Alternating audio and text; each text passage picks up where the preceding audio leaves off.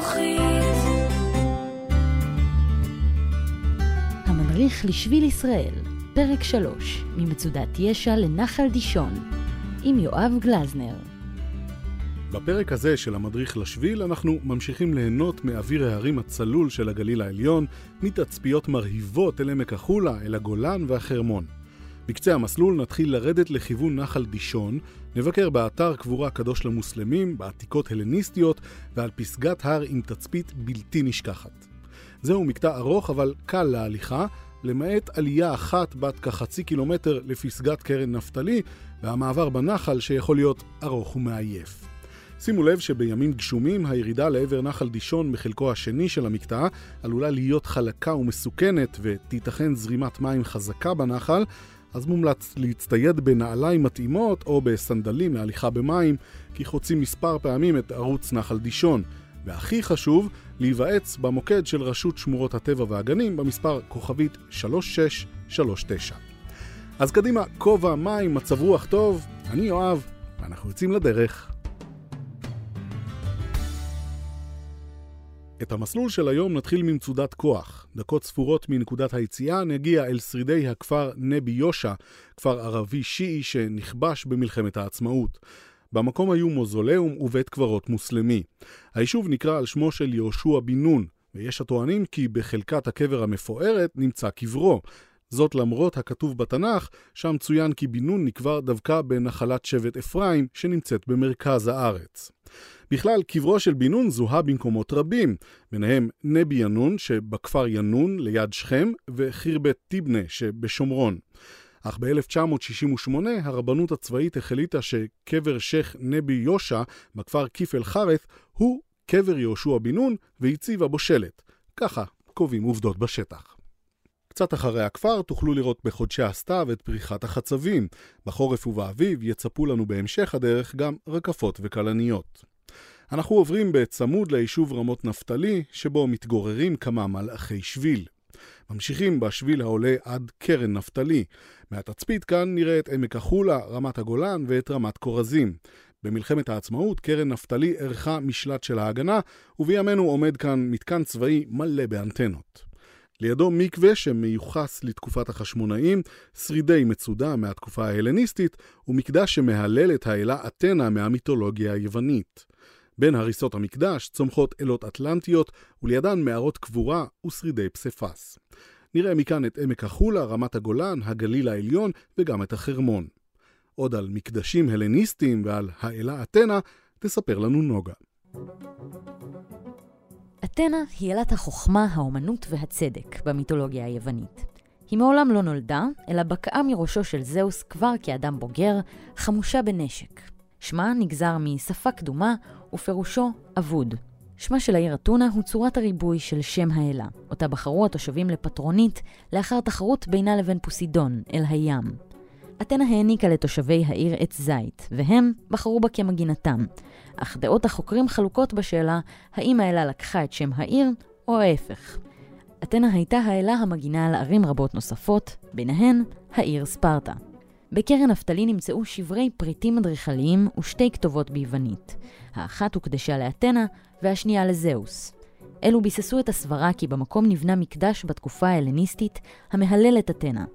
התקופה ההלניסטית מוגדרת כפרק הזמן בין מותו של אלכסנדר הגדול בשנת 323 לפני הספירה ועד מותה של קליאופטרה, המלכה ההלניסטית האחרונה בשנת 30 לפני הספירה. תקופה זו התאפיינה בשילוב בין התרבות היוונית העתיקה ותרבויות המזרח הקדום, תרבויות מקומיות באזורים שכבש אלכסנדר מוקדון, כגון תרבות מצרים העתיקה והתרבות הפרסית העתיקה. בירידה מקרן נפתלי נחלוף על פני שדה כלניות. בהמשך היום, כשנגיע לנחל דישון, בעונה המתאימה, נראה גם נרקיסים ורקפות. נעבור ליד עצם תלת רגלי מסתורי ובראשו משולש, שהוא בעצם נקודת טריג 510. תארו לכם עולם בלי מערכות GPS. נשמע מפחיד, נכון? רגע לפני שתלכו לאיבוד, כדאי לדעת שגם לפני המערכות הללו, נעשו בעולם מדידות מדויקות, מיפוי וסימון נקודות במרחב הגיאוגרפי, באמצעות שיטה שנקראת רשת טריאנגולציה. הנקודות שמרכיבות אותה מכונות נקודות טריג, והן מופיעות במפות הטופוגרפיות כמשולש ובתוכו נקודה, כשלצידו מופיעים מספר ואות המציינים את מספרה הסידורי ואת הגובה המוחלט שלה מעל לפני הים. בשטח מסומנות הנקודות הללו על הקרקע בסימנים בולטים ועמידים יחסית, על פי רוב באמצעות אביזרי מתכת שונים, והן מדודות בדיוק של סנטימטרים. בעזרת הצלבה של שלוש נקודות כלשהן, ומכאן השם טריאנגולציה, ניתן למדוד ולאתר כל נקודה אחרת במרחב. בישראל החל המיפוי בשיטת הטריאנגולציה בשנות ה-20 של המאה הקודמת, בידי הבריטים. לאורכה ולרוחבה של הארץ קיימות מאות נקודות שכאלה, חלקן מסומנות באביזרי מתכת שמוטבעים בקרקע, בסלעים או בכבישים, וחלקן הן עמודי מתכת תלת-רגליים. על פי רוב הן נמצאות בפסגות הרים ובמקומות שולטים, כדי לאפשר קשר עין ביניהן, לצורך ביצוע מדידות. הנקודות מחלקות את המדינה לכמעט 35 אלף משולשים בגדלים שונים, ומהם ניתן לחשב את כל נקודות הציון בשטח בצורה מדויקת. למעשה, אם יש לכם את הידע ואת הציוד הנכון, ייתכן שתוכלו לנווט בדיוק רב על פי הרשת הזו, ולהימנע משימוש ב-GPS גם היום. ההרפתקה מובטחת. אחרי הירידה נגיע לאזור מרעה מרובה שבילים. קל ללכת כאן לאיבוד, אז שימו לב לסימון הדרך ודעו שאם תמשיכו לכיוון דרום-מערב, תהיו בכיוון הנכון. ואם הגעתם לכביש 886, עברתם את תוואי המסלול ממזרח. אנחנו ממשיכים לכיוון נחל דישון, שנחשב לאחד המסלולים היפים ביותר בצפון הארץ. יש כאן נופי צוקים, מערות וצנירים, סלעים עם חתך עגול הדומים לצינורות שנוצרו בתהליכי בלייה טבעיים. אם תעשו את המסלול באביב, תוכלו לראות בדרך לנחל סחלבים ואירוסים וגם כרכומים. במצוק מעלינו מקננים עופות דורסים, אז שווה להרים את הראש. בשמורת נחל דישון, כמו בכל כך הרבה מקומות אחרים בארץ, נראה אין ספור פריטים של מינים מוגנים. תחת הגדרה זו נמצאים למעלה מ-250 מיני צמחים הגדלים בר בארץ. אלו צמחים עיליים, שגדלים בישראל באופן טבעי, ולא הובאו לכאן בידי אדם. בסוף שנת 1964 עבר בכנסת חוק ערכי הטבע המוגנים, שהגדיר את מעמדם החוקי של הצמחים האלה ואת הקטיפה או הפגיעה בהם כמעשה שיכול להוביל לקנסות גדולים. כיום עומד הקנס על קטיפת צמח מוגן על 490 שקלים, ויכול לטפס אף יותר בהתאם לכמות שנקטפה. החוק עבר בעקבות מבצע משותף בין החברה להגנת הטבע ורשות שמורות הטבע. הרשות לקחה על עצמה את החקיקה והאכיפה, בעוד החברה להגנת הטבע עסקה בעיקר בחינוך והסברה. באחד ממסעי ההסברה המצליחים ביותר שידעה המדינה, ביטאה החברה להגנת הטבע את מסריה בכל ערוצי התקשורת, ובעיקר בעזרתם של אלפי גננות ומורים שנרתמו למשימה, חינוך דור העתיד והעברת מסר השמירה על הצומח, דרך הבית אל ההורים. הצמחים שנכללו ברשימת הצמחים המוגנים מחולקים לשלוש קבוצות. צמחים בעלי פרחים אטרקטיביים, שבעבר היו מרבים לקטוף, ובכך כמעט גרמו להחדתם, צמחי תבלין, שהשימוש בהם פגע משמעותית בפריחתם, ומיני צמחים נדירים. ב-2005 הורחבה הרשימה, וכיום היא כוללת מיני צמחים נוספים, כולל מטפסים, שיחים ועצים. בשנת 1948 הפך דישון מנחל איתן לנחל אכזב, שבו לא זורמים מים באופן רציף. השאיבה מהמעיינות לא סייעה למצב המים בנחל, שנשאבו על ידי חברת מקורות לטובת צורכי האוכלוסייה והחקלאות שבאזור. את תחנת השאיבה הזו נראה בהמשך המסלול. ב-2014 החלו קידוחי עומק במטרה להחזיר את נחל דישון למעמד של נחל איתן, במקביל להפסקת השאיבה מעין אביב, כחלק מהסכם שנחתם אז בין רשות הטבע והגנים, רשות המים וחברת מקורות. בין השאר, בעקבות השימוש הנרחב בהתפלה, התאפשרה הפחתת כמות המים הנשאבים על ידי חברת מקורות, ואף השבת מים חזרה אל הטבע. גם האישה המתייבשת, שקוראת לנו לסגור את הברזים, קשורה לשיקום הנחל. ללא צמצום צריכת המים הארצית, לא הייתה מתאפשרת החזרת המים אל הטבע. כחלק מהפרויקט מתנדבים ילדי בתי ספר יסודיים בנחלים המשתקמים במיזם חינוכי סביבתי הנקרא שומרי הנחל.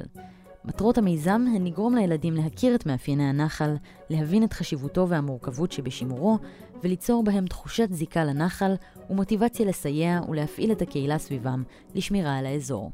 קצת לאחר תחנת השאיבה עובר הנחל מתחת לגשר עלמה, המוקף פריחה ומחבר בין רמות נפתלי והיישובים דישון, עלמה וריחניה, שעל פניהם נחלוף בהמשך. ריחניה הוא יישוב צ'רקסי בן כאלף תושבים, שמורכב כולו ממוסלמים סונים משבט אבזח, אחד מ-12 השבטים הצ'רקסים. זהו אחד משני הכפרים הצ'רקסיים היחידים בארץ. השני, כפר קמא, ממוקם בגליל התחתון ומתגוררים בו מעל 3,000 צ'רקסים משבט שפסוג. הצ'רקסים, שמכנים את עצמם אדיגים, שלטו במשך אלפי שנים בהרים של צפון מערב הקווקז. כיום רובם מתגוררים ברוסיה ובטורקיה, חלקם מפוזרים ברחבי המזרח התיכון ומקצתם באירופה וארצות הברית. בשנת 1864, לאחר מלחמות רבות בכיבוש הרוסי באזור הקווקז, שנגמרו בטבח וגירוש, הגיעו רבים מהם לשטח האימפריה העות'מאנית, שקלטה אותם באזורים מיושבים פחות, כמו הגליל. הכפר, שהוקם בשנת 1878 ויושב ב-1880, נבנה בשיטה צ'רקסית מסורתית בשם כפר חומה. הבתים צמודים זה לזה ויוצרים חומת מגן מסביב לכפר, שרידיה נראים עד היום. בתוך הכפר ישנו מוזיאון, מרכז למורשת הצ'רקסית, ומסגד שדומה למסגדים הצ'רקסיים בקווקז, ושונה בצורתו מהמסגדים הערביים. אחרי הגשר, החורש סביבנו יתחיל להיעלם. עד עכשיו הלכנו באזור סלעי דולומית, שהופך לאדמת טרה רוסה, שנחשבת לקרקע פוריה יחסית. אחרי הגשר אנחנו מגיעים לאזור של סלעי גיר. המים נבלעים בסדקי הגיר ולא מרבים את השטח, ולכן הסביבה פה צחיחה הרבה יותר. בהמשך המסלול בנחל נעבור את עין אביב. קצת אחרי המעיין, ובעונה המתאימה נוכל לראות פריחת חלמוניות, ובהמשך כמה חורבות של תחנות קמח שהונעו במימי הנחל. סימן נוסף לכך שבעבר היו כאן הרבה יותר מים לפני שהחלו השאיבות. אם המים בעין אביב לא סיפקו אתכם, אפשר לעשות סיבוב לעין דישון, מתחת ליישוב דישון. שם תגיעו למבנה בטון, ובתוכו, דרך מעבר צר, תיחשף בפניכם בריכה עתיקה שבנויה מאבנים מסוטטות וקשתות אבן ומלאה במים צלולים. אם המים גולשים אל המעבר או אל הבטון שבחוץ, אסור להיכנס כי מפלס המים גבוה מדי. אם התעייפתם, אפשר להמשיך במורד נחל דישון לכיוון איילת השחר, לפנות אל תוך נחל קציון וללכת בו לעבר היישוב עלמה, שקרוב לנקודת הסיום של המקטע. הדרך הזאת תאפשר לכם להימנע מהמשך המסלול המאתגר בנחל דישון. אם המשכתם בשביל, תראו בדרך חלמוניות ואירוסים, גב מים עם מפל קטן ואת מערת דישון, בדרך לחניון יראון, שבו נסיים את המקטע הזה.